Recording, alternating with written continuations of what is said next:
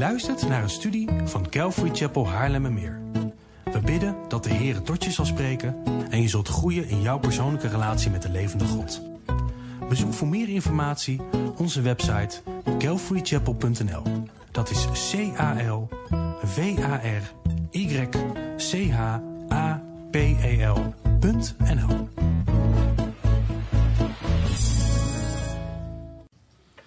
Goedemorgen iedereen, welkom. Uh, voor degenen die mij niet kennen, mijn naam is Mark Laporte en ik uh, mag vandaag voorgaan in het woord. Um, vandaag ronden we onze korte zomerserie af uh, in het boek Jesaja, hoofdstuk 40. En we doen de laatste paar versen, vers 27 tot en met 31. Dus daar, daar kan je alvast je Bijbel naar openslaan. Jesaja, die werd, Jesaja hoofdstuk 40 werd geschreven aan een volk wat in ballingschap was. En het was bedoeld ook om dat te lezen, zeg maar, terwijl ze ver van huis waren in Babylon en uitgeput en hopeloos waren en misschien wel zelfs op de rand van wanhoop waren. ze hadden het gevoel dat, dat God hen in de steek gelaten had en dat ze geen toekomst meer hadden. Dus Gods volk had troost nodig. Ze waren moe en ontmoedigd. En dat is precies wat God hen in dit hoofdstuk geeft. Ja, en dit Jesaja hoofdstuk 40 is een hoofdstuk vol van hoop. En we lezen in die eerste 26 versen, wat we in de afgelopen tijd hebben bekeken, zeg maar, dan zagen we twee dingen. Dat de vraag werd beantwoord van, wil, ons, wil God ons redden? En kan God ook ons redden? En het antwoord voor beide was gewoon heel duidelijk ja. En het antwoord is, vanwege wie God is, en wat hij gaat doen. Ja? Dat is waarom hij dat kan. Vanwege wie hij is en wat hij gaat doen in Jezus. En de versen vandaag die borduren daarop voort. En die beantwoorden de vraag van wat gaat ons dan helpen om vol te houden en daadwerkelijk voorwaarts te komen als Gods volk, als we dan moe en ontmoedigd zijn. Ja, dus als we in zo'n periode zitten, zoals toen het volk zat in ballingschap. En ze waren daar uit hun eigen land, uit hun comfortzone, compleet. Ja, en hoe gaan we daarmee om? Hoe kunnen we volhouden in zo'n situatie? Daar gaat de tekst vandaag over. Dus lees met mij samen uh, Jesaja hoofdstuk 40, vers 27 tot en met 31. Waarom, zegt u dan, Jacob, en spreekt u, Israël? Mijn weg is voor de Heere verborgen en mijn recht gaat aan mijn God voorbij. Weet u het niet? Hebt u het niet gehoord? De eeuwige God, de Heere, de schepper van de einde der aarde, wordt niet moe en niet afgemat. Er is geen doorgronding van zijn inzicht. Hij geeft de vermoeide kracht en hij vermeerdert de sterkte van wie geen krachten heeft. Jongeren zullen moe en afgemat worden. Jonge mannen zullen zeker struikelen. Maar wie de Heere verwachten, zullen hun kracht vernieuwen. Zij zullen hun vleugels uitslaan als arenden. Zij zullen snel lopen en niet afgemat worden. Zij zullen lopen en niet moe worden. Laten we bidden. Vader, ik dank u, Heer, voor uw woord. Heer, ik dank u dat we dat mogen openen, dat we mogen vasthouden en tot ons nemen, Heer. En ik, uh, het is mijn gebed voor deze ochtend, Heer, dat u onze harten opent voor uw woord. Heer, dat het op goede, zachte grond mag landen, Heer. En als we in die situaties zijn zoals het volk toen was, Heer, dat dat echt een woorden van hoop voor ons mogen zijn deze ochtend. In Jezus' naam. Amen. Het was april 1944. Er klonk geschreeuw en het bonzen van de laarzen van de Gestapo-soldaten toen ze het huis van een buurman op de eerste verdieping binnendronken. Het gebons werd heviger toen de soldaten naar boven kwamen, richting de voordeur van haar en haar familie. In enkele ogenblikken, zonder waarschuwing of tijd om in te pakken voor de reis, werden ze meegenomen. Hun wereld veranderde onomkeerbaar. Bijna een jaar lang worstelden ze met het overleven van de dagelijkse verschrikkingen en psychologische martelingen in drie verschillende concentratiekampen. Ze diende als lijkenverzamelaar en weerstond de verleiding van zelfmoord. Ze was op haar fysieke hoogtepunt toen ze het kamp binnenkwam grotendeels vanwege haar schermtraining. Maar in april 1945 was ze uitgeput. In het kamp Bergen-Belsen stortte ze in een stapel lijken en had het gevoel dat ze zou sterven. Een Brits soldaat vond haar nauwelijks levend tijdens de bevrijding van het kamp. De nu 94-jarige Magda kijkt terug op deze tijd en zegt dat ze vertrouwde op God in de hoop de nazi-doodsmachine te overleven. Tijdens haar stille momenten in het kamp, terwijl ze bad, wist ze in haar hart dat God haar kon helpen er levend uit te komen. Ze zei: Ik denk dat mijn grote vertrouwen in God mijn bron van overleving was. Dit is slechts één van de vele, vele verhalen van wat er toen in die vreselijke tijd gebeurd is. En ik heb geen idee, en ik denk misschien wel niemand van ons is oud genoeg om een idee te hebben eh, hoe wij in zo'n situatie gereageerd zouden hebben en gehandeld zouden hebben. Dat is onvoorstelbaar. En tegelijkertijd lees ik dit en hoor ik dit en dan spreekt er zoveel hoop uit. Ja, dat zelfs onder de meest intense omstandigheden, waar echt alle, op alle mogelijke manieren iemand uitgeput is en vermoeid is en ontmoedigd is en echt alle hoop gewoon weg lijkt, dat er nog steeds we kunnen volhouden vanwege God. Ik denk dat Jesaja's woorden van vandaag ook inzicht geven daarin hoe we kunnen volhouden. we beginnen in, vers 27. Waarom zegt u dan Jacob en spreekt u Israël? Mijn weg is voor de Heere verborgen en mijn recht gaat aan mijn God voorbij. In vers 27 laat Jesaja de, de verwachte houding zien van Gods volk. Ze geloven niet meer dat God hen ziet. En ze geloven niet meer dat God naar hen omziet. Ja? En als we ons in hun schoenen verplaatsen, kunnen we dat denk ik ook wel begrijpen. Dat is een natuurlijke reactie. Ja? Ze voelden zich verlaten door God. God, ze hadden, God had hen uit hun land verdreven, hun land verwoest. En ze waren in een vreemd land, vreemde cultuur, alles was vreemd. En um, dus de vraag is dan ook van wat gaat er gebeuren? En hoe zit het nou met al die beloftes die God aan ons gemaakt had? Ja, dus als we puur kijken naar de omstandigheden, kan je concluderen wellicht dat God ook niet aanwezig was. En ze erkennen de Heer nog wel, want ze zeggen nog steeds mijn God in dit vers. Maar tegelijkertijd redeneren ze en handelen ze alsof God er eigenlijk niet meer is. Ze handelen niet naar wie God is en hoe ze hem hebben gekend. En wellicht is dit ook herkenbaar voor ons, voor jou.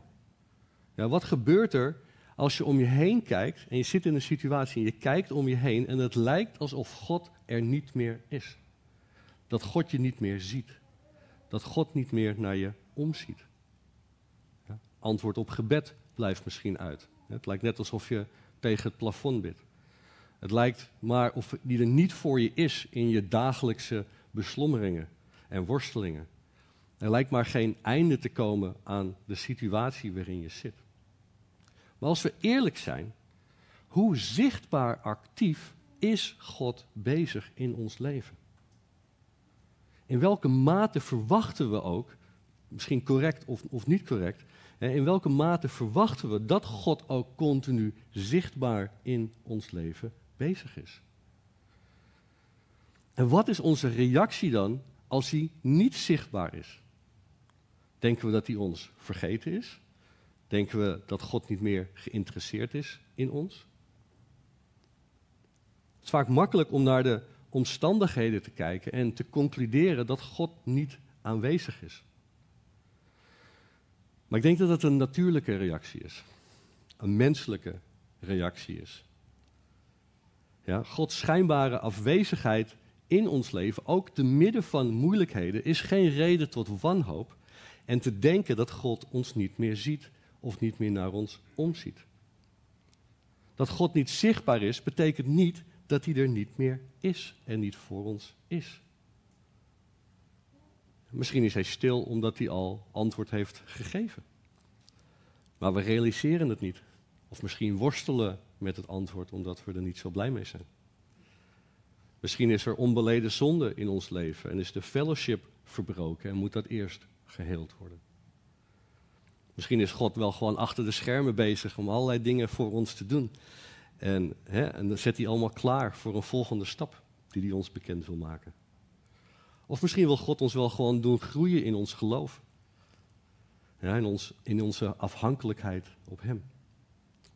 Ik denk dat we zo graag alles duidelijk willen zien van waar God mee bezig is en in God aan het werk is voor ons. Ehm, en dat als het niet duidelijk is, wat vaak denk ik zo is, dan forceert het ons om te wandelen in geloof. En dat is heel onnatuurlijk voor ons. En dat vinden we lastig, denk ik. Maar we zien ook hier een volk in dit vers dat oprecht aan het worstelen is met gevoelens. En dat is ook oké. Ja. Zolang we maar met respect uh, blijven, uh, God met respect blijven benaderen. En hem niets verwijten. Als we de psalmen lezen, staan de psalmen niet vol met mensen die hun emoties uitstorten, oprechte emoties uitstorten naar God. Dat is goed. Lezen we niet in Job 3 dat hij de dag vervloekt dat hij geboren is? Dus dat oprechte worstelen is prima. Die gevoelens zijn oké. Maar het is goed ook om al in dit vers, in het midden daarvan, te zien dat God hem begint gerust te stellen. En misschien is dat niet opgevallen, maar God noemt hen Jacob en Israël. En dat herinnert hen in ieder geval, dat zou ons misschien ook moeten herinneren aan het feit dat zij niet de eerste waren die met God worstelen. Jacob had namelijk eeuwen daarvoor ook al met God geworsteld. En God zegende hem. Net zoals dat God trouw was aan Israël, zal hij hen ook trouw blijven. Hij zal zijn volk blijven, want hij had een verbond met zijn volk. Dus hij zal hen nooit in de steek laten. En datzelfde geldt voor ons. Als we wedergeboren zijn, als we onderdeel zijn van zijn lichaam, dan zijn we in een verbond met God. We zijn zijn verbondsvolk. Dus hij zal ons ook nooit in de steek laten. Laten we verder lezen, vers 28. Weet u het niet? Hebt u het niet gehoord? De eeuwige God, de Heere, de schepper van de einde der aarde, wordt niet moe en niet afgemat. Er is geen doorgronding van zijn inzicht. Te midden van onze worstelingen en onze moeilijkheden kunnen we soms onszelf blind staren op het probleem in plaats van op de oplossing. Sommigen van ons, en ik, ik hoor daar zelf ook bij, hebben denk ik een soort Ior-complex. Ik weet niet of je Ior kent. Ja, die pessimistische, sombere, oude, gedeprimeerde, grijze ezel uit Winnie de Pooh. Ja, die altijd een beetje met zijn kop omlaag hangt. En uitspraken doet zoals van, nou, het kan nog erger. Ik weet niet hoe, maar het zou kunnen. Ja? Nou, misschien niet helemaal goed gedaan, maar goed. Ja. Maar goed, erkennen van het probleem is goed. Maar hierop blind staren is niet oké. Nou, we willen geen Ior zijn. En het is vaak zo, denk ik, dat we niet zozeer nieuwe informatie nodig hebben om ons eruit te halen, maar dat we juist herinnerd moeten worden aan wat we eigenlijk al weten. Ja, ik denk dat dat een van de redenen is waarom het ook goed is om elke zondag hier het woord gepredikt te horen. Niet zozeer vanwege nieuwe informatie, maar om er wekelijks aan herinnerd te worden van wat we eigenlijk al weten dat waar is dat het weer vers in onze gedachten zit. Ja, net als eerder in dit hoofdstuk komt Jesaja weer met zijn retorische vragen aan. Want natuurlijk weten we het en natuurlijk hebben we het al eerder gehoord. Maar we zijn het simpelweg in het moment van onze problemen vergeten. Ja, in dat moment vergeten we eventjes wie God is en wat hij kan doen. En de woorden van dit vers 28 zijn dan als een warm bad voor ons. We moeten er namelijk aan herinnerd worden dat God eeuwig is. En wij niet.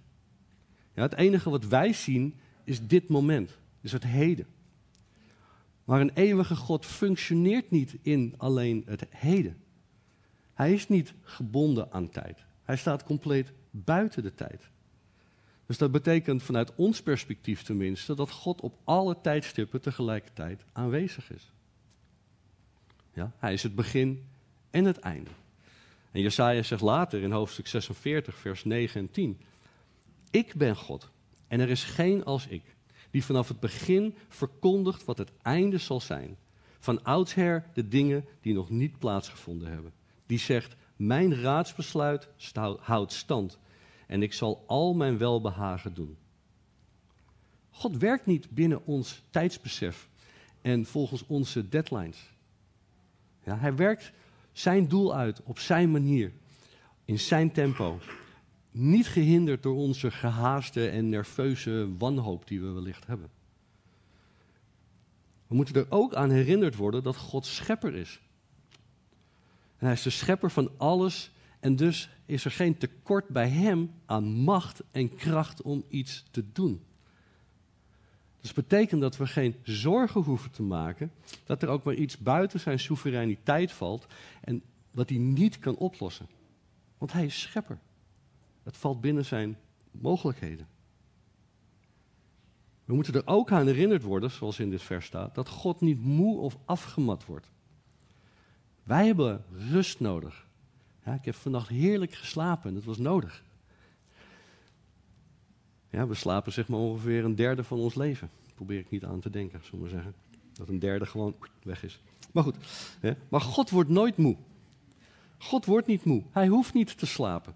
Hij is altijd fris en fruitig. Hij is altijd alert. Hij is altijd bezig en hij is altijd in staat om ons te helpen. Dus dat betekent dat een klaarblijkelijke vertraging vanuit ons perspectief niet een gebrek aan vermogen of besef is aan de kant van God. Vandaar dat we er ook aan herinnerd moeten worden dat Gods inzicht niet doorgrond kan worden. Zijn gedachten zijn niet onze gedachten. Zijn wegen zijn niet onze wegen. Hij hoeft ons niet te vertellen hoe hij handelt, wanneer hij handelt, wat hij precies gaat doen. Hij is God en wij niet. En hij hoeft aan niemand verantwoording af te leggen voor wat hij gaat doen. Maar als we het karakter van God weten en kennen, en dan weten we dat hij rechtvaardig is, dat hij goed is, dat hij heilig is. En dat we er dus op mogen vertrouwen dat hij handelt naar zijn karakter en dus naar ons beste belang handelt. Te midden van al onze worstelingen en de situaties waar we doorheen gaan, hè, onze vermoeidheid of ontmoediging, is de oplossing juist om onze blik van onze situatie af te halen en op God te richten. Ja, van het Ior-complex naar beneden kijken, misschien wel naar het Winnie de Pooh-complex, om altijd blij te zijn. Ja, als hij tenminste honing heeft. ja. Um, dus door, door onze blik op God te richten en naar Hem te kijken en Hem te zien voor wie Hij werkelijk is. En dat is misschien makkelijker gezegd dan gedaan. Ik weet dat. Maar ik denk dat hier iets is waar we gewoon ook naar elkaar mogen kijken. Ja? Naar elkaar mogen kijken voor, voor hulp. Dit is waar we naar elkaar mogen uitstrekken. Casper komt niet voor niets elke keer met een elkaar-vers. Ja? Hoe ik naar elkaar om kunnen zien. Dit is ook een manier hoe we elkaars lasten mogen dragen. In fellowship te zijn met elkaar. En als broeders en zusters, als één lichaam, open en eerlijk te zijn over onze worstelingen. En vertellen wat er speelt in ons leven, zodat we elkaar op God mogen wijzen. Ja? En op de juiste momenten en op de juiste manieren elkaar helpen herinneren van wat we wel weten, maar misschien even vergeten zijn. Gods woord zegt: bedenk de dingen die boven zijn en niet die op aarde zijn. En het denken van de geest is vrede en liefde. Ja, dus we mogen elkaar hierin helpen dat te doen. We mogen elkaar helpen om naar boven te kijken, weg van onze situatie en te wijzen op God waar leven en vrede is. Vers 29. Hij geeft de vermoeide kracht en hij vermeerdert de sterkte van wie geen krachten heeft. Jongeren zullen moe en afgemat worden. Jonge mannen zullen zeker struikelen. Maar wie de Here verwachten, zullen hun kracht vernieuwen. Ze zullen hun vleugels uitslaan als arenden. Ze zullen snel lopen en niet afgemat worden. Ze zullen lopen en niet moe worden. Wat gebeurt er als we naar God kijken? En als we Hem erkennen voor wie Hij is en wat Hij heeft gedaan? Dan zijn we in staat om Gods kracht te ontvangen. Hij geeft de vermoeide kracht en hij vermeerdert de sterkte van wie geen krachten heeft. wat een woord van troost en bemoediging is dit. Ja, God is niet afwezig. Hij is niet onbeschikbaar. Hij is niet ongewillig om te helpen. Sterker nog, ik denk dat er niets is wat wij kunnen doen dat God afwezig maakt, of onbeschikbaar maakt, of ongewillig maakt. Ja, geen van onze problemen zijn een probleem voor Hem of een verrassing voor Hem. Er zijn geen condities of voorwaarden verbonden aan wat God hier aanbiedt aan ons. Hij weet al wat hij gaat doen. Hij weet al wat we nodig hebben. Wij moeten komen. Maar God is degene die geeft. Hij is die onuitputtelijke bron van alles wat goed en nodig is. En hij geeft de vermoeide kracht. En hij vermeerdert de sterkte van wie geen krachten heeft. En vermoeid zijn hier heeft niks te maken met een paar late avonden of een uh, dagje hard werk. Hoe goed dat ook is. Maar dat woord vermoeid in de grondtekst betekent zoiets als falen onder de druk van het leven. Het is gewoon even niet meer weten. Het even niet meer kunnen. Gewoon even geen uitzicht meer zien in een situatie. Niet meer weten wat je moet doen. Dat waar je doorheen gaat levert gewoon zoveel druk op op je leven dat je niet meer alle ballen hoog kan houden. Als je een vol blikje zou pakken en je zou het op de grond zetten, dan kan je er met nog zoveel kracht op gaan lopen stampen. Maar ik denk niet dat je het stuk krijgt. Maar als het blikje leeg is, kost het bijna geen moeite om een plat te trappen. Waarom is dat? Omdat de externe druk die we loslaten op dat blikje zoveel groter is als de interne druk dat dat blikje kan leveren. Ja, er is geen tegendruk meer uit dat blikje als het leeg is. Nou, als mensen kunnen we heel veel hebben, ook onder hele strenge omstandigheden. Ja, kijk maar naar het verhaal van Magda aan het begin. Maar er is een moment, moment waarop de externe druk van buitenaf op ons leven zo groot wordt dat we simpelweg niet meer voldoende tegendruk kunnen geven vanuit onszelf. En als we naar de wereld gaan en we kijken daar hoe zij met dat soort druk omgaan, dan zien we allerlei oplossingen. Ja? Ze zeggen dat we beter voor onszelf moeten zorgen. Dat is waar. Misschien moeten we meer slapen. Misschien moeten we meer sporten. Misschien moeten we gezonder eten. Misschien moeten we meer investeren in relaties. Misschien moeten we gewoon meer in contact zijn met onze gevoelens. Misschien moeten we gewoon simpelweg de situatie leren te accepteren. En er zit misschien tot op zekere hoogte waarheid in wat de wereld ook zegt over die dingen. Maar het is niet de oplossing. Want de oplossing kan niet van binnenuit komen. Maar God heeft zichzelf beschikbaar gesteld om ons te geven wat we zo erg nodig hebben. Zijn kracht. En zijn kracht is niet een of andere magische pil die onmiddellijk en miraculeus zeg maar, al onze omstandigheden verandert. Maar God kracht aan ons verandert niks, denk ik, aan de externe druk op ons leven. Maar God geeft ons zijn kracht, zodat wij meer interne druk weer kunnen teruggeven op wat er aan de buitenkant doet. Ja. En aangezien we zelf geen kracht meer hebben, geeft Hij ons een dosis van Zijn kracht. Zodat we weer kunnen ademhalen. Zodat we weer door kunnen in de strijd. Zodat we niet op hoeven te geven. Maar daar staat ook, Hij geeft de vermoeide kracht. Dus dat betekent dat we allereerst moeten inzien dat we vermoeid zijn. Dat we moeten toegeven dat we vermoeid zijn. Oh, maar dat kan moeilijk zijn. Toch? Ja.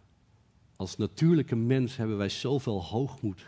Willen we zo graag de touwtjes in handen houden? Willen we zo graag zelfstandig zijn? Willen we zo graag onafhankelijk zijn? Ja, van kinds af aan zeggen we al: zelf doen, zelf doen. Ja, we willen dat lepeltje al vasthouden om onszelf te voeden. Ja. Maar zolang we blijven volhouden dat er geen probleem is, zien we niet in dat we zijn kracht nodig hebben. En als we kosten wat kost uit eigen kracht maar door blijven ploeteren, ook al weten we en zien we dat het ons niet lukt, dan kan Hij ons zijn kracht niet geven. Jezus die zei, kom naar mij toe, allen die vermoeid en belast zijn, en ik zal u rust geven. Als we vermoeid en belast zijn, maar we gaan niet naar Hem toe, dan kan Hij ons niet geven wat Hij zo in overvloed beschikbaar heeft gesteld voor ons. Zijn kracht. En zijn kracht geeft ons rust. Luister naar wat Paulus zegt in 2 Korinthe 12, vers 9. Dat is een bekend vers, denk ik. Maar hij heeft tegen mij gezegd: Mijn genade is voor u genoeg, want mijn kracht wordt in zwakheid volbracht. Daarom zal ik veel liever roemen in mijn zwakheden, opdat de kracht van Christus in mij komt wonen. Het is in onze zwakheid dat we zijn kracht zullen zien. En Paulus zegt daarom dat hij liever zal roemen, liever zal opscheppen in zijn zwakheden, zodat, we de kracht, zodat hij de kracht van Jezus kan ervaren in zijn leven. Het lijkt een beetje op zo'n uitspraak van omdenken. Ken je dat? Dingen van omdenken. Die grote, beetje rood-witte reclameborden en billboards met altijd zo'n uitspraak die je even doet nadenken. Ja, zoals, heb geduld met jezelf. Niets in de natuur bloeit het hele jaar. Doet je nadenken. Of een ander, ik leg de lat lekker hoog, zodat ik er makkelijk onderdoor kan. Ja, ja en dat zijn de omdenken. Ja, en deze uitspraak, deze logica van Paulus doet ons ook omdenken. Want het gaat tegen onze natuur in. Van nature willen we het liefst roemen, willen we het liefst opscheppen in onze kracht. Kijk eens hoe goed ik ben. Kijk eens hoe goed ik het allemaal wel niet kan. Kijk eens hoe goed ik het wel niet kan volhouden terwijl de tranen me in mijn ogen staan. Blijf ik vasthouden. Maar Paulus zegt hier juist te roemen in onze zwakheden. Dat is even iets anders. Kijk eens hoe zwak ik ben. Ja. Kijk eens hoeveel moeite ik heb om het allemaal vol te houden. Ik zie dat jij zwak bent, maar ik ben nog veel zwakker. Erkennen dat we zwak zijn, geeft ruimte aan God om met zijn kracht in ons te doen komen.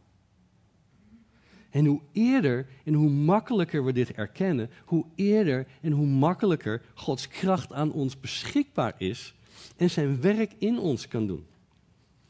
En dat lijkt me dat dat in ons voordeel is. Dus waarom zouden we op eigen kracht ten onder willen gaan als we op Gods kracht door kunnen gaan? Omdenken.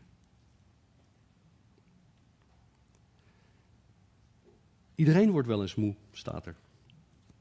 Iedereen raakt wel eens uitgeput. Iedereen komt wel eens bij het moment van falen uit, onder de druk van het leven.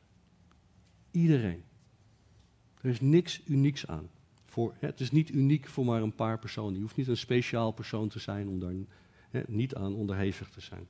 Niemand is uitgezonderd. We zitten allemaal in hetzelfde schuitje. Jesaja zegt dat zelfs jongeren wel eens moe worden. Met andere woorden, zelfs de sterkste, de meest vitale onder ons zijn niet gevrijwaard op ook wel eens moe te worden. Dus we hoeven niet gek op te kijken als het gebeurt. We moeten gek opkijken als het gebeurt, maar we erkennen het niet. Ja? Het is simpelweg iets wat bij het mens zijn hoort. En zelfs als je op je piek van je eigen kracht kan presteren, dan nog zal je onherroepelijk eens tekortschieten en moe worden. Ray Ortland, een voormalig voorganger uit Amerika, zei dit.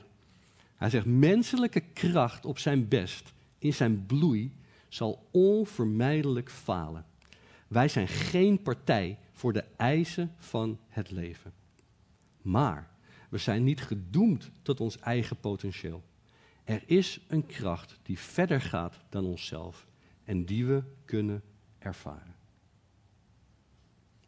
En dat is een enorme bemoediging. Dat God ons niet heeft overgelaten aan onze eigen kracht maar dat hij vrijelijk geeft uit zijn onuitputtelijke bron wat we nodig hebben. Hij geeft de vermoeide weer kracht. En op wat voor manier we dan ook vermoeid zijn, of dat fysiek is, of emotioneel, of mentaal, of geestelijk, God geeft de bijbehorende kracht die wij tekortkomen, zodat we verder kunnen. Dus de oplossing is God. De oplossing is altijd God. Ja? Erkennen dat hij er is. Erkennen dat hij kan en wil ingrijpen. Erkennen dat hij geeft wat hij wil geven. En dat hij kan komen. En dat we op hem kunnen vertrouwen.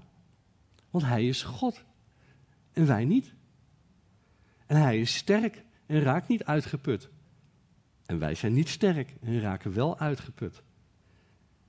En door onze zwakte wil hij alle eer en glorie krijgen.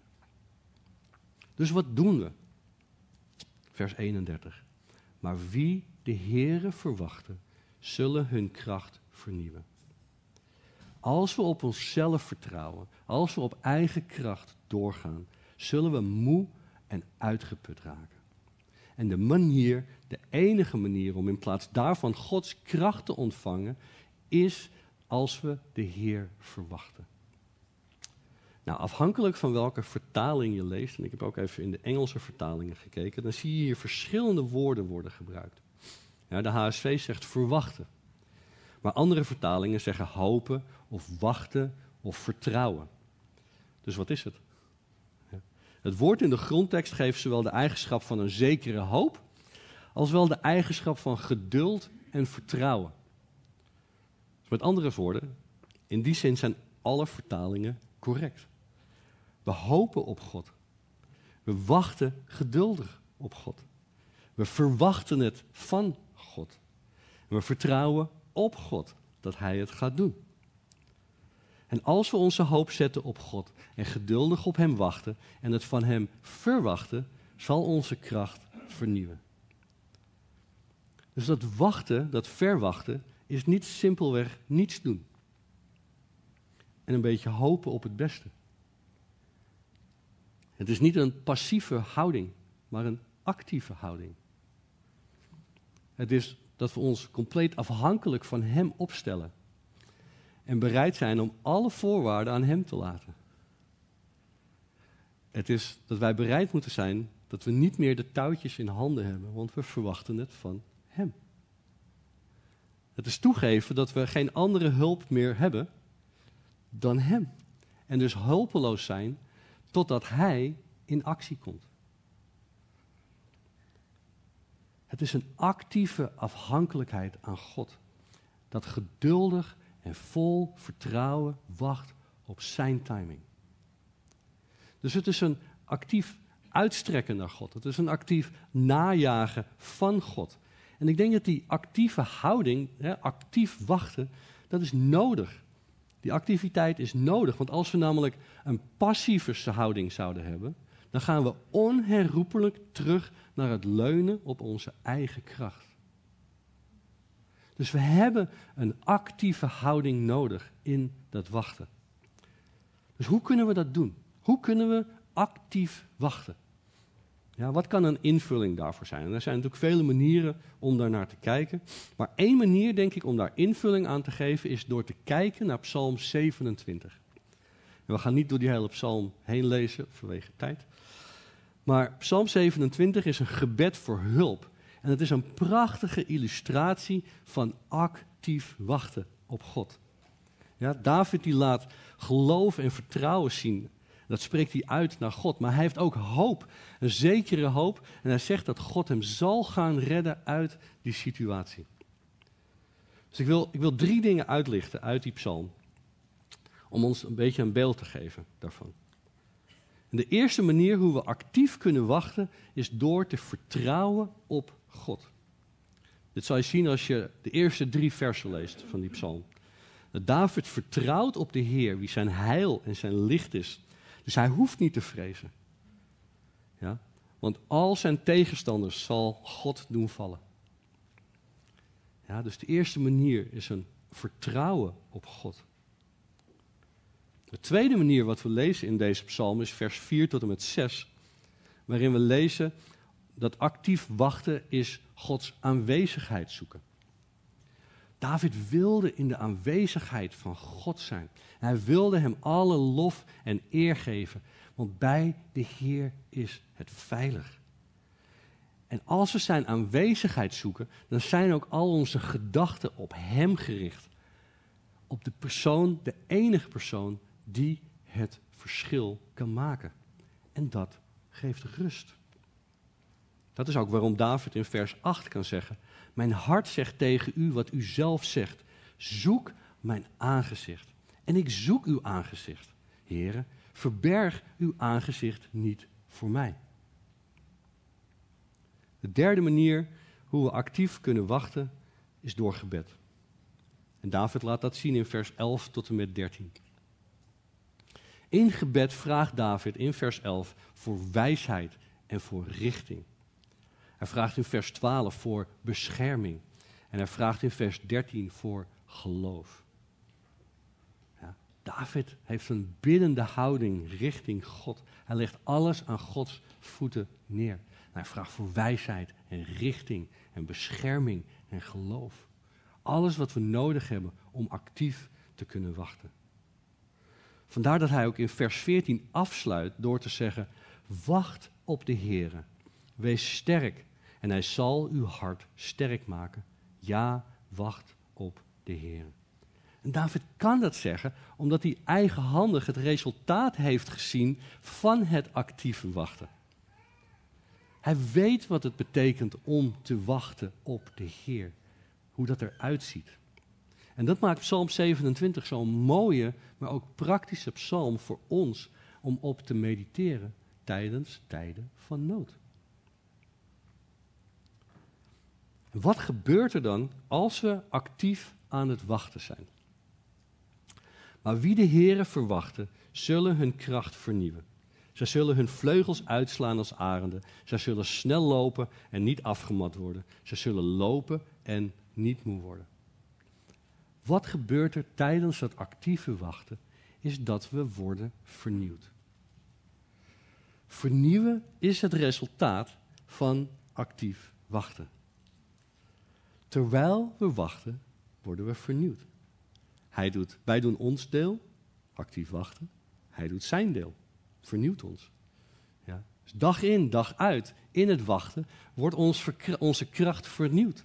Wordt onze kracht veranderd. Wordt onze kracht vervangen door iets beters.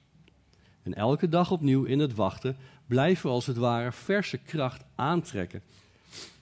Elke dag vervangen we onze kracht door zijn kracht. Elke dag trekken we onze zwakte uit en trekken we zijn kracht aan. Dat is wat er gebeurt.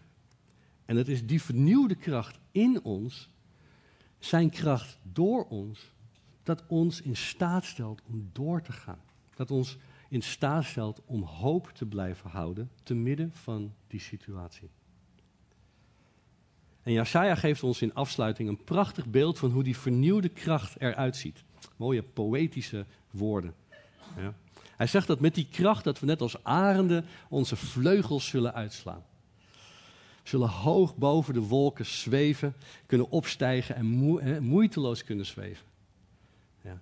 God wil dat we uit die wanhoop en uit die ontmoediging komen. Dat we opstijgen en dat we zweven op zijn kracht. Met uitzicht, vrij uitzicht op zijn aanwezigheid. Hij zag dat we met die kracht, dat we het uithoudingsvermogen hebben van een marathonrenner. Klinkt niet verkeerd. Ja, we zullen onvermoeid kunnen blijven rennen. Ja, dus God wil ons alles geven om die wedloop van het leven vol glans te kunnen volbrengen. Ja, en die ogen op de prijs te houden. Met zijn kracht niet aan onze kracht. En hij zegt dat met die kracht dat we zullen lopen en niet moe worden. God wil ons in alles voorzien in onze dagelijkse wandel. Zodat we kunnen wandelen op een manier die waardig is aan het evangelie. Ja, dus God geeft ons zijn kracht. Het is zo beschikbaar voor ons als we maar actief aan het wachten zijn. Ja, dus wat gaat ons helpen om vol te houden? Wat gaat ons helpen om niet alleen vol te houden, maar ook vooruit te komen in onze moeilijkheden? En het antwoord is door vol verwachting en vertrouwen te kijken naar God, die onze hoop is. Als mensen zijn we broos en fragiel en kwetsbaar. En raken we vermoeid en uitgeput. Maar we zijn zijn broze, fragiele, kwetsbare schepsels. Hij is onze God. Hij is onze vader. Wij zijn zijn kinderen. En als onze vader is hij perfect op de hoogte van wat we nodig hebben. Veel beter nog dan dat we zelf op de hoogte zijn. En hij weet dat we moe en uitgeput raken. En hij laat ons niet aan ons lot over. En te midden van het wachten en te midden van dat verwachten gaat hij doen wat hij gaat doen. En hij geeft ons zijn vernieuwende kracht in overvloed, zodat we door kunnen gaan. Hij wil dat we onze zwakte erkennen, zodat we naar hem toe kunnen komen. Niet omdat hij zo graag de held wil uithangen, maar omdat hij onze vader is. Vol liefde en genade. Dus wij wachten en wij vertrouwen, want hij is onze betrouwbare Heer. Dus laten we met de, psalm, psalm, uh, zo. laten we met de psalmist zeggen in Psalm 31, vers 15. Maar ik vertrouw op u, Heer. Ik zeg, u bent mijn God. Ik wil afsluiten met een citaat van Charles Spurgeon, wat ik denk heel mooi hierbij aansluit. En het citaat is dit. Het is echt een bemoediging voor ons als gemeente. Hij zegt: Een kerk, zoals een kerk hoort te zijn, bestaat uit mensen die compleet van de Heer afhankelijk zijn. Want wachten betekent afhankelijkheid. Hun hoop is in God. Ze rusten in Gods rechtvaardigheid als hun rechtvaardigheid en ontvangen het grote offer dat door God is verstrekt voor hun verzoening en aanvaarding. Niemand is echt een christen die, door zijn, die zijn hoop en vertrouwen in zichzelf vindt. Er moet buiten onszelf gekeken worden naar God in Christus Jezus. Dit is absoluut essentieel. Hij die Gods geliefde is, is een gelover in God. Dat betekent een vertrouwer in God, een wachter op God. Zijn enige en volledige vertrouwen is in God, zijn redder. Laten we bidden. Vader, Heer, wees onze redder. Vader, wees degene voor ons die u zegt die u bent. Dat we al onze hoop, al ons vertrouwen op u mogen stellen, omdat u God bent, omdat u onze Vader bent. Heer, help ons inzien dat we fragiel zijn, dat we zwak kunnen zijn. Help ons inzien dat het oké is om zwak en fragiel te zijn, Heer. En om dan de hulp bij u te zoeken. Vader, want we hebben u zo nodig, Heer. We kunnen het niet op eigen kracht. U heeft ons simpelweg niet gemaakt om op eigen kracht dit leven te volbrengen. Heer, we hebben u nodig en u staat klaar met uw kracht. Elke dag, elk moment opnieuw, Vader. Om precies te geven wat we nodig hebben. Dus Heer, help ons om in te zien dat we u veel meer nodig hebben dan dat we nu eerst inzien, Heer. Help ons uw kracht te ervaren. Heer, dagelijks in ons leven. Help ons ook naar elkaar om te zien, Heer. En de vrijmoedigheid te hebben om onze zorgen en moeilijkheden met elkaar te delen, Vader. Zodat we ook elkaar gewoon op God mogen wijzen waar onze hulp vandaan komt, Vader. Heer, wees ons genadig. Heer, ik bid echt dat we al meer en meer mogen groeien, Heer, in het afhankelijk zijn van U. Het steeds meer en meer het van U verwachten en niet van onszelf, Vader. Het steeds meer en meer naar U toe gaan en zeggen, God, ik ben hulpeloos. Heer, ik heb U nodig. God, het werkt niet. Heer, wat ik doe lukt niet. Het gaat niet. Ik zie het niet meer. Help mij. Heer, en ik weet dat U gaat antwoorden. Want U staat simpelweg klaar, Heer, om ons alles te geven wat we nodig hebben. U staat klaar met uw onuitputtelijke bron van kracht om ons dagelijks te ondersteunen en ons te doen helpen, Vader. Om ons te doen voortbewegen, om ons meer en meer te bewegen naar daar waar U ons wil hebben, Vader. De gelijkenis van Jezus, uw Zoon, Vader. Dus help ons om niet op onszelf te vertrouwen, maar op U te vertrouwen. Want U bent zo betrouwbaar, Vader. U bent altijd betrouwbaar. Heer, we verwachten het van U, Vader. We hopen op U. In Jezus' naam. Amen.